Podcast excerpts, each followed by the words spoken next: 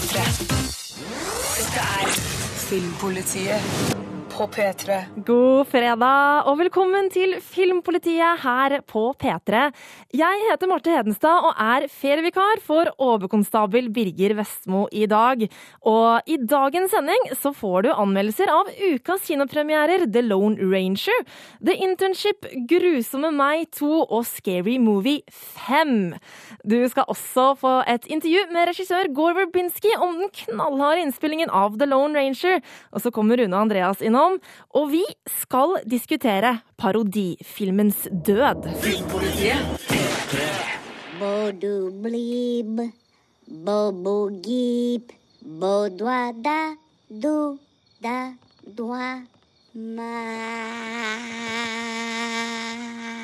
Det er vel ei kjensgjerning at det alltid kommer noe trygt og koselig fra de store animasjonsselskapene, sjøl når en skurk er hovedperson.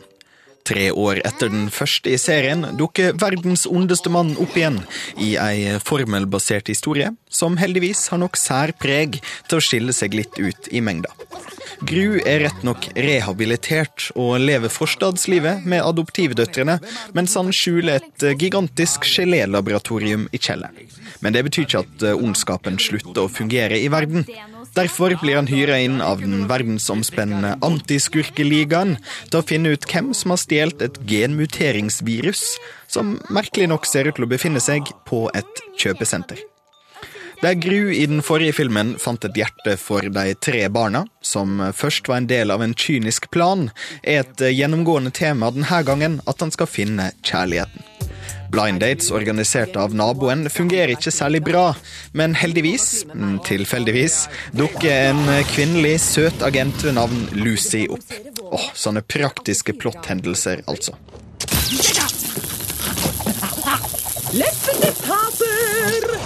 Animasjonen er velpolert, slik en bare kan vente det fra de store animasjonsselskapene. Mange av figurene kunne like godt ha vært fra de fleste Pixar- eller Dreamworks-filmer. Samtidig har viktige deler av universet rundt Gru akkurat så masse sjel at det skiller seg litt ut.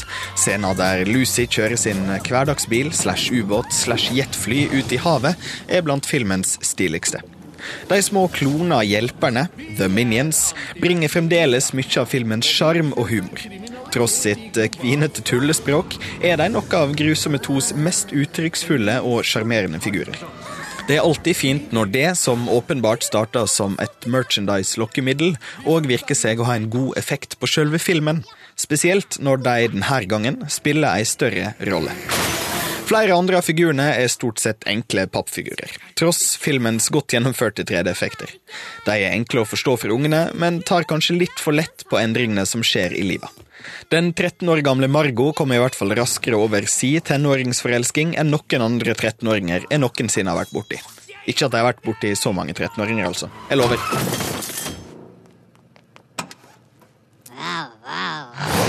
De norske stemmene er finfine. Det er virkelig på tide at norsk dubbing er ræva ryktet svinner hen.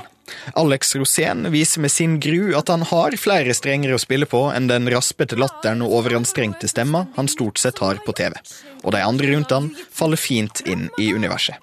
Manuset kommer fra Ken Daurio og Cinco Paul, gjengen som òg står bak Horton og Lorax-filmene. Stort sett middelmådige historier basert på barnebøker. De viser seg som flinkere når de kan skape fra sitt eget materiale, og noen klisjéfylte stereotyper til tross, universet har fremdeles leverett.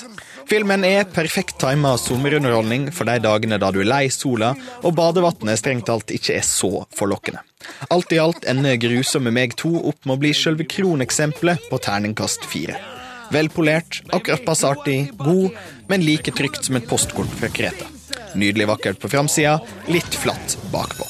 Sumargleg Helsing Andreas.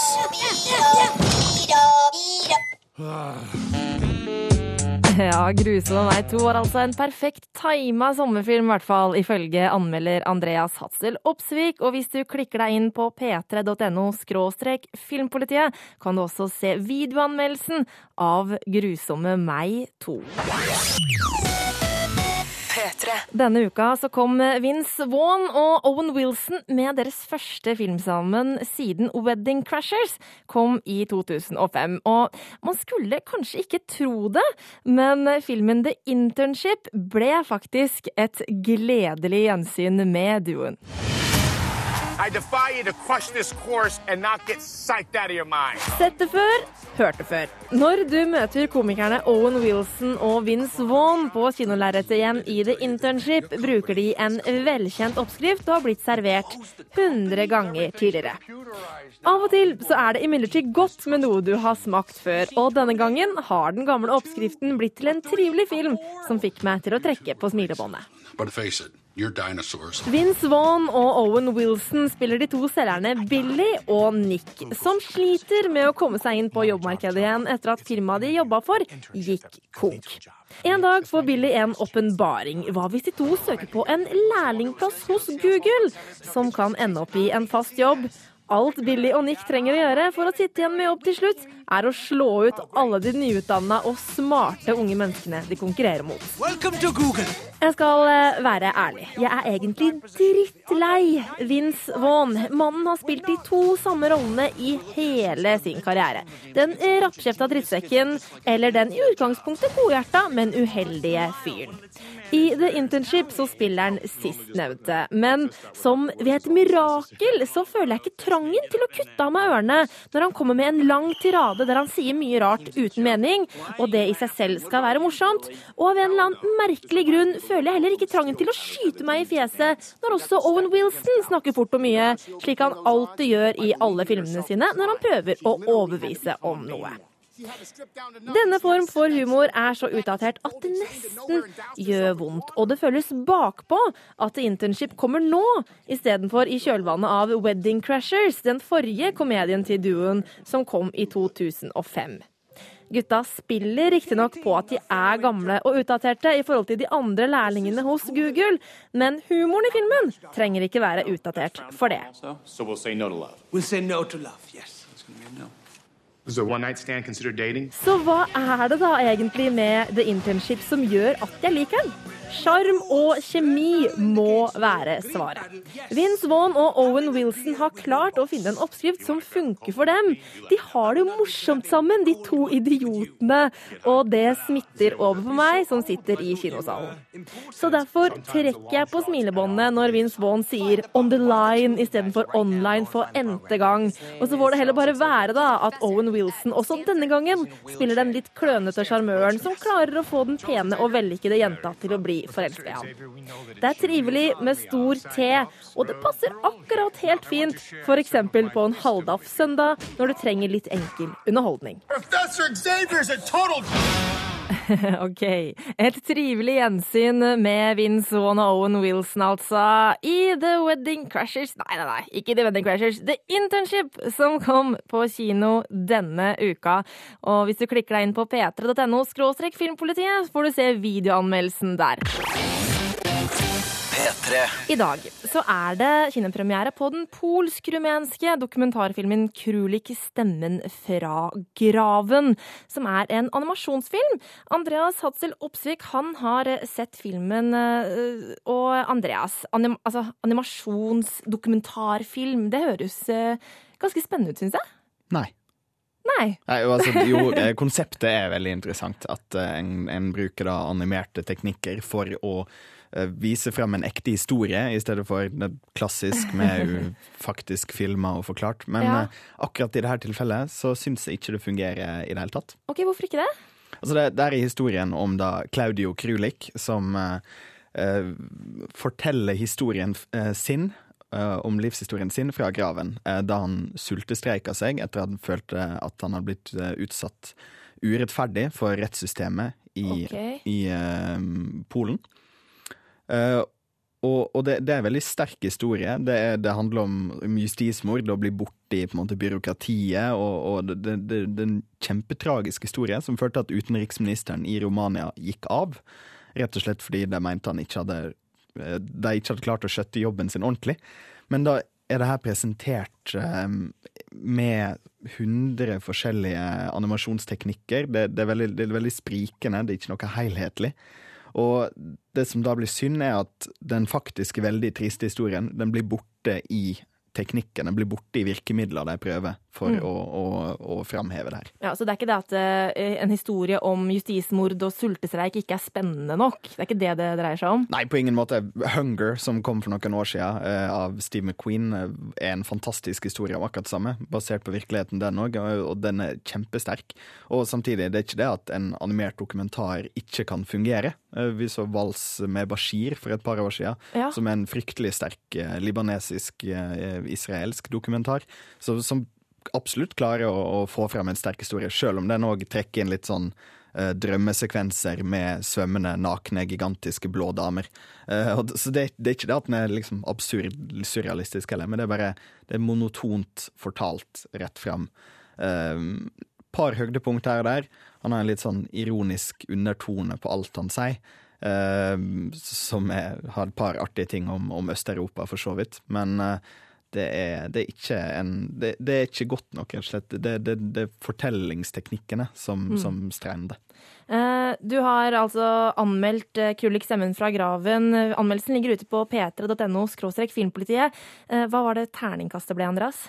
Endte opp på en toer, altså. Så noe som er synd igjen for en sterk historie, men uh, den er lite effektivt fortalt. Så da, da blir det rett og slett ikke bra nok. Ja, så dropp Krulik stemmen fra graven. Se Hunger eller eh, Walls with Bashir isteden. Det er eh, Filmpolitiets eh, anbefaling. Takk for at du kom i studio, Andreas. Det her, Rune Haakonsen, er vakkert. Nå har, jeg- nå har jeg gåsehud, jeg. Det har jeg også. Top Gun 1986 er tilbake på norske kinoer. Denne uka her så var det altså mulig å få se den klassiske filmen igjen i en opphusset utgave. Og det er jo selvfølgelig verdt å få med seg. Ja, eh, altså Top Gun er jo en av 80-tallets aller største klassikere. Jeg vil si det er de mest ikoniske filmene. Tom Cruise som jagerflypiloten som blir valgt ut da, til å dra på denne Top Gun-akademiet for å prøve seg litt. Mm. Eh, blant de aller beste pilotene i verden. Det er en, en maskulin Jeg kan sette to streker under det. Eller? Maskulin fortelling om, om mannemenn og eh, manneting, nemlig maskiner som kjører veldig fort. Og det er jo en altså I dag så kan man ikke se Top Gun uten å ta på seg de litt ironiske brillene og le litt med den der overtydelige testosterondampen som står ut av lerretet. Ja. Men, men det er jo ikke bare det at det er oppussa, det er en litt spesiell versjon som nå også da kommer ut på Blu-ray i neste uke. Ja, for det er nemlig i 3D. Top Gun i 3D. Mm. Og det er jo blitt en liten trend det her med at gamle klassikere blir pussa opp og satt i ny 3D-drakt. Ja, Vi har jo Eh, sett eh, Jurassic Park, ja. Titanic osv. Og, og, og det som jeg synes kjennetegner disse skal vi si, nyutgivelsene, er den gode kvaliteten på 3D-konverteringa. Før så har vi vært litt skeptiske, i hvert fall jeg, til filmer som har blitt 3D-konvertert i ettertid. Kvaliteten har vært så som så. Men, men, men med disse filmene så kan vi jo si at det også er en trend at kvaliteten på denne konverteringa er så høy at filmopplevelsen blir enda bedre. Og det er nettopp det som er hovedpoenget, i hvert fall i min vurdering av Top Gun 3D. Ja, ok, for jeg lurte litt på sånn, hvorfor skal jeg gidde å se Top Gun i 3D? Hva gir det meg, Rune? Men du var jo overbegeistra da du hadde sett den. Ja, og og det, det handler ikke om at filmen er kul i seg sjøl, at det er verdt å se en sånn type amerikansk Hollywood-film på kino, men det er rett og slett det å se disse flykampene, luftkampene med jagerfly i 3D. Det gir et helt annet perspektiv. Det er lettere å følge med, du blir ikke så forvirra. Det er lettere å skjønne nettopp manøvreringene og hva som foregår, og det gjør at innlevelsen min ble større. Eh, Altså, Jeg vil faktisk gå så langt som å si at eh, det å se Top Gun i 3D ga meg en bedre opplevelse av filmen enn når jeg har sett den i 2D. Oi, det er en, eh, det er en stor påstand. Eh, Ja, det er ganske tungt, og, og jeg vet det fortsatt er delte meninger om 3D, men kvaliteten på det tekniske arbeidet nærmer seg nå et sånt nivå at dette At jeg vil stå med åpne armer, jeg, hvis det er andre eh, klassiske filmer som skal få en 3D-konvertering. Tenk, tenk da! Tenk, Marte, se Alien i 3D. Oi, Ja, ja, ja. Det, det hadde faktisk vært ganske tøft. Top Gun 3D altså, ute på Blu-ray, 3D-Blu-ray i neste uke. Da må du jo selvfølgelig ha en 3D-TV og, og briller hjemme for å se det, men den vise, ble vist noen utvalgte byer nå på torsdag, altså i går, Mm. um, rundt omkring i Norge. Og det er også noen kinoer ikke alle, altfor få dessverre, synes jeg, som fortsatt viser filmen gjennom helga. Så du kan gå inn på din lokale kinonettside og sjekke om Top Gun vises i 3D. Og hvis det er tilfellet, ta og se filmen, og gå gjerne inn på p3.no skråstrek filmpolitiet. Klikk deg inn på min anmeldelse av Top Gun i 3D, og si din mening, for jeg har jo lyst til å høre, da. Altså, Syns du det funker med Top Gun i 3D, og ikke minst, hvilke andre klassiske filmer vil du se i 3D? Regissør Gore Verbinski og skuespiller Johnny Depp de ble jo en stjerneduo med Pirates of the Caribbean-filmene. Og onsdag denne uka så var det kinopremiere på deres nyeste samarbeid, The Lone Ranger. Og i den westernkomedien her så har gutta prøvd å skape en ny eh, slags Jack Sparrow, men det er jeg ikke så sikker på at de har fått til. Med Pirates of the Caribbean-filmene skapte Johnny Depp og regissør Gore Verbinski rollefiguren som kommer til å stå igjen som den mest minneverdige i Depps karriere. Med westernkomedien The Lone Ranger har duoen forsøkt å gjøre en ny Jack Sparrow. Isteden har de endt opp med en velprodusert film som har få komiske høydepunkter. Are you talking that horse? The Lone Ranger og Tonto er figurer som har underholdt generasjoner av amerikanske barn siden 30-tallet. Og i denne filmen fortelles historien om hendelsene som forvandla advokaten John Reed, spilt av Army Hammer, til The Lone Ranger, en lovløs forkjemper for rettferdighet. Sammen med indianeren Tonto, spilt av Johnny Depp, legger Reed som nyutnevnt Texas Ranger ut på oppdrag for å fakke den blodtørstige banditten Butch Cavendish og gjengen hans. Og på veien utvikler Reed og Tonto et merkelig vennskap. I likhet med Pirates of the Caribbean-filmene forsøker The Lone Ranger seg på action med innslag av komiske elementer. Dessverre tipper komikken i denne filmen over til å bli flåsete og lite smart slapstick-humor. John Reed er en naiv og godtroende fyr som stadig dummer seg ut i kampen mot de hardbarka bandittene de er ute etter. Og denne blåøyde grønnskålingen, som med en god dose flaks ender opp som helt, er ingen ny arketype, men Army Hammer er ikke morsom nok til å gjøre en slik figur bra. Og John Reed ender opp med å bli irriterende istedenfor å være underholdende. Dessverre overbeviser heller ikke Johnny Depp i rollen som den eksentriske skrullingen Tonto. Den krigerske indianeren veksler mellom å være mutt, stødig og mystisk til å være flåsete, klønete og dum. Og det virker ikke som om verken Depp, Verbinski eller manusforfatterne har vært helt sikre på hvilken type figur Tonto skal være. Jeg var aldri spesielt opptatt av å leke cowboy-indianer da jeg var barn, og jeg har heller ikke noe forhold til Tonto og The Lone Ranger fra før. Så det er mulig filmen vil være til større glede for dem som har vokst opp med rollefigurene. Men for meg så blir The Lone Ranger intet annet enn et feilslått forsøk på å skape en ny franchise der Johnny Depp kan håve inn de store gryna. Filmen er spilt inn i bl.a. New Mexico, Colorado, California og Utah. Og med sitt støvete ørkenlandskap og grovkorna skildring av utbyggelsen av jernbanen på 1800-tallet ser imidlertid filmen svært bra ut. Og ja, det er jo morsomt når The Lone Ranger og Tonto løper over togtakene til tonene fra William Tell Overture, men dessverre stopper det der. The Lone Ranger er ingen ny Pirates of the Caribbean. Tonto er ingen ny Jack Sparrow. Men det er kanskje egentlig like greit. Jeg var ikke imponert eh, verken over Army Hammer eller Johnny Depp i The Lone Ranger, og trilla terningkast tre. Hvis du har lyst til å lese en litt mer utfyllende anmeldelse eller se videoanmeldelsen av filmen, så klikker du deg inn på p3.no filmpolitiet. Han godeste regissør Gore Verbinski han vant jo en Oscar for animasjonswesternfilmen Rango, hvor Johnny Depp hadde stemmen. Men eh, første gang han lagde en film i ørkenen i virkeligheten, så var det litt tøffere enn forventa. Filmpolitiet møtte regissøren i knallvarme Santa Fe i New Mexico, og du skal få høre hvordan Verbinski opplevde innspillingen av The Lone Ranger. You get thunder showers, get windstorms, dust picks up, you get shut down for, you know, lights not working uh, because of hail, and then it'll be 110, and then it'll be snowing. And it's crazy out here. It's the Wild West. More difficult than on water, or It is so much more difficult. It's um, you know, when it gets miserable, you jump off the boat and you go for a swim. If you have one day off, you can you can go fishing or whatever. You know, that's you're in the tropics. I mean, it it's nice. Here, it's dust and dust and more dust and dust and more dust. You know, bo- boat. Interesting about it when you're on a boat, you can turn when the light changes. You just pivot the boat in the ocean, and the, you can chase the sun. These trains, they don't do. They're on track. They don't do that. It was just more exhausting, I think, than anything I've ever done. Forent med den gamle Pirates of the Caribbean-gjengen, Johnny Depp og produsenten Jerry Bruckheimer, har Gore Verbinski fått lage sin etterlengtede første western. Going somewhere? Yes. No. No. Yes. No. Yes. No, we are not. Yes. No. Yes. Shut up! I've just loved westerns since I was a little boy, so it's in my DNA.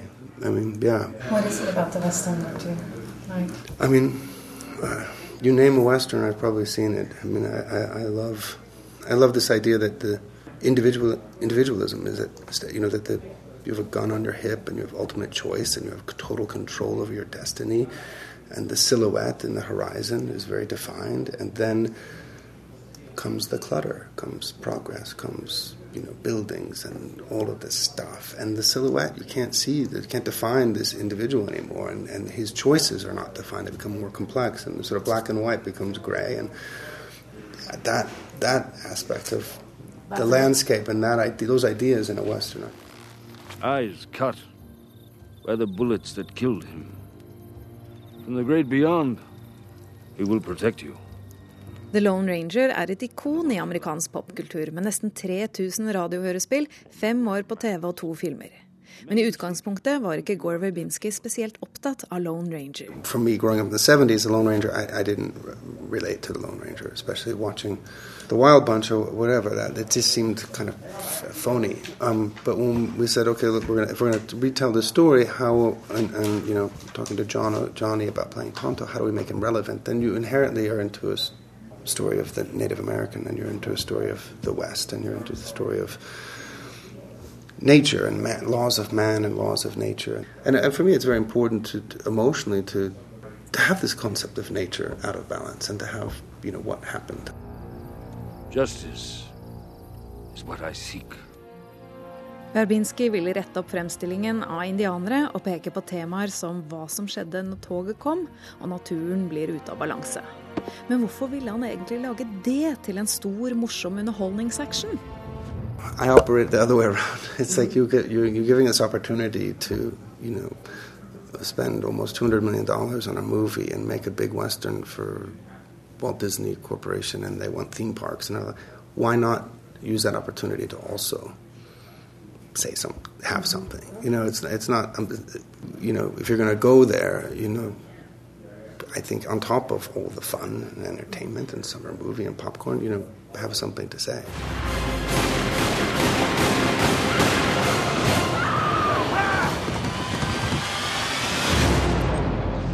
Der hørte du regissør Gore Verbinski fortelle om den vanskelige innspillingen av The Lone Ranger, blant annet, med Johnny Depp i en av rollene, som hadde kinepremiere denne uka.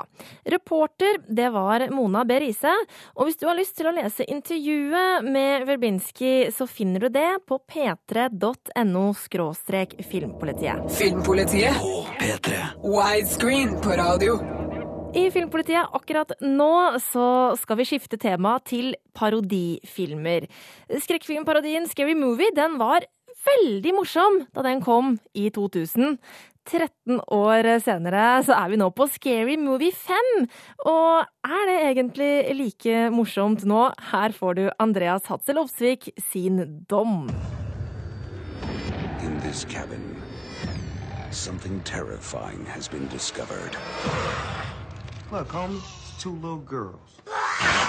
Den gode parodifilmen skal gjenskape ei tidsånd og samtidig leve på egen hånd. Den gjenspeiler det folk er opptatt av, trendene i datidas historier og vridninger. Det er Airplane som tuller med seriøsiteten i spenningsfilmene fra 70-tallet. Det er Spaceballs som leker seg med måten uforklarlig teknologi alltid løser problemet i sci-fi. Og ikke minst er det Hotshots som gjorde narr av pompøsiteten i Top Gun og det aktuelle fiendebildet av skumle irakere. Da Scary Movie 5, videreføring av serien, som egentlig slutta å være morsom etter den første filmen, åpner med Charlie Sheen og Lindsay Lohan som skal spille inn ei sexscene, så har den allerede mista meg.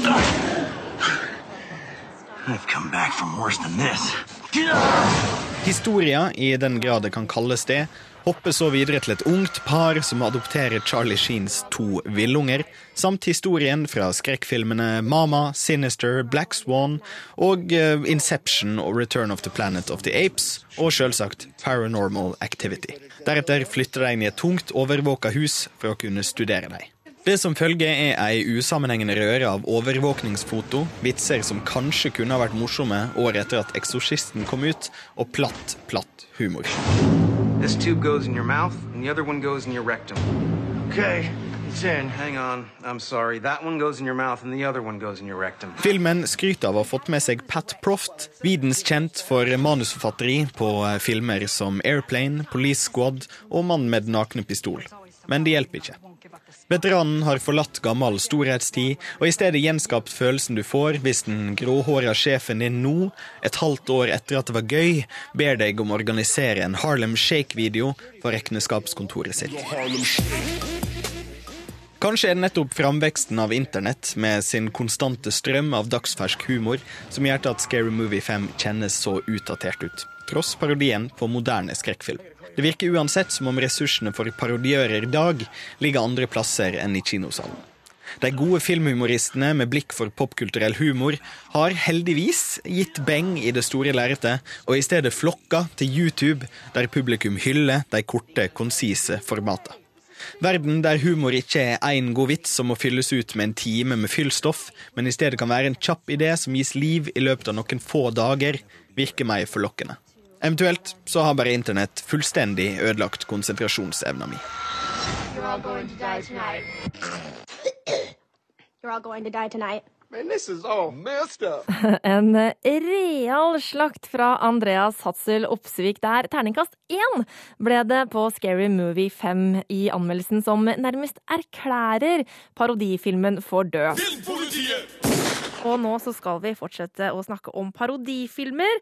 80- og 90-tallet det var jo parodifilmens storhetstid, men de siste ti åra har det vært ganske så begredelig på den eh, fronten. Og før låta så hørte vi Andreas Hatzel Opsvik sin anmeldelse av Scary Movie 5, som hadde kinnepremiere denne uka. Han belønnet den filmen med hele terningkast én! Og det ble rett og slett en uttalelse fra Andreas her om at han egentlig kalte parodifilmen for Død. Død og begravet? Død og begravet Ja. og eh, velsigna med kors. Ja, Andreas eh, og Rune har kommet inn i studio her nå, for nå skal, vi, nå skal det diskuteres. Er parodifilmen egentlig død, Rune? Altså Hvis vi ser på den amerikanske tradisjonen, Scary Movie osv. Altså, jeg, jeg syns de filmene fortsatt er litt morsomme. Eh, Den første var morsom. Ja, ok da. Altså, de, to første, de to første kan være litt morsomme, men den amerikanske tradisjonen er død begravet. Det skal jeg si meg ganske enig i.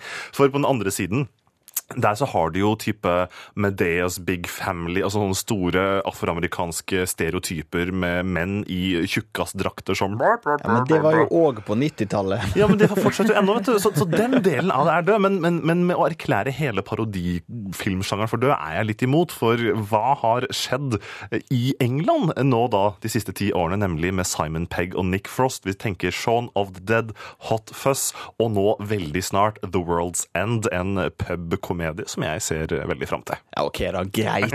Greit. Jeg, jeg syns Shaun of the Dead er helt fantastisk. Men jeg syns fremdeles at det er veldig trist da, at nettopp den der, eh, som du kaller eh, amerikanske parodifilmtradisjonen eh, har dødd litt hen. Men, men som jeg nevnte i anmeldelsen, jeg tror mye av det her har gått rett og slett til internett. Ja, men det, det, det er nok en god forklaring, for jeg tror nok rett og slett at YouTube har tatt over de fleste av de gode talentene og kommer til å, å gjøre seg mye mer markert på humorfronten også i årene framover. Så vi kan vel si at eh, selv om filmen er død, så er det i hvert fall eh, håp på YouTube. ja, Og det vi kan være enige om, det er vel at eh, Scary Movie 5 ikke akkurat er en, en eh, filmanbefaling. Eh, Og Terningkast isteden én er jo kanskje det, det sterkeste frarådinga. Styr unna. Styr unna! Og derfor skal vi heller gi deg tre anbefalinger nå med filmer som vi mener du bør se. Merchandising, merchandising, where the real money from the movie is made. Spaceballs the t-shirt, Spaceballs the coloring book, Spaceballs the lunchbox, Spaceballs the breakfast cereal, Spaceballs the flamethrower. The kids love this one. Hva har du hørt der, Andreas? Der hørte vi eh, litt lyd fra Spaceballs, eh, en eh, parodi på alskens 70-talls eh, science fiction. Og akkurat denne scenen her, da, så har vi en, en liten grønn person som forklarer at det er merchandise. Det er der en tjener penger. Som da var en eh, litt satire over da merchandising-kulturen, som eh, faktisk en kan si oppsto med Star Wars i 1977. Og det er en anbefaling fordi Det er en anbefaling fordi den er fryktelig morsom både på egen hånd og eh, i hvert fall hvis du er glad i eh, 70-80-talls eh, science fiction. eh, amerikansk, stort sett. Og Rune, du har funnet frem denne filmen her som din anbefaling når det gjelder de beste parodifilmene. Excuse me, sir. There's been a little problem in the cockpit. The and I was- cockpit? What is it? It's the little room in the front of the plane where the pilots sit. That's not important right now. You see, the first officer is ill, and the captain needs someone to help him with the radio. I wouldn't know anything about it. Would you go up, please? The stewardess said. Both pilots. Can you fly this plane and land it? Surely you can't be serious. I am serious. And don't call me Shirley. You're the only chance we've got. Her hørte vi da et uh, klipp med noen ikoniske scener fra det som faktisk er kåret til tidenes mest morsomme film. 'Hjelp, vi flyr', som den heter på norsk, eller 'Airplane' fra 1980, ble da i, faktisk i fjor, i 2012, kåret til den beste komedien noensinne av det britiske filmbladet Empire. Vi hørte her annet i rollen Leslie Nilsen, komikongen. Hans komikarriere starta med denne filmen, som handler om en tidligere jagerflypilot med mental breakdown som sitter på et fly som mister begge pilotene sine, og alt som kan gå galt der imellom. Så det er en parodi på katastrofefilmer med tørre vitser, med dårlige punchlines, morsomme one-linere og en lang rekke politisk ukorrekte greier innimellom. Så det er nok en parodifilm som jeg plasserer helt på toppen av min anbefalingsliste. Airplane, eller på norsk Hjelp, vi flyr, fra 1980. 1980, og For noen år senere så skulle gjengen bak den filmen her komme til å lage en ny parodifilm, denne gangen på spionthrillere.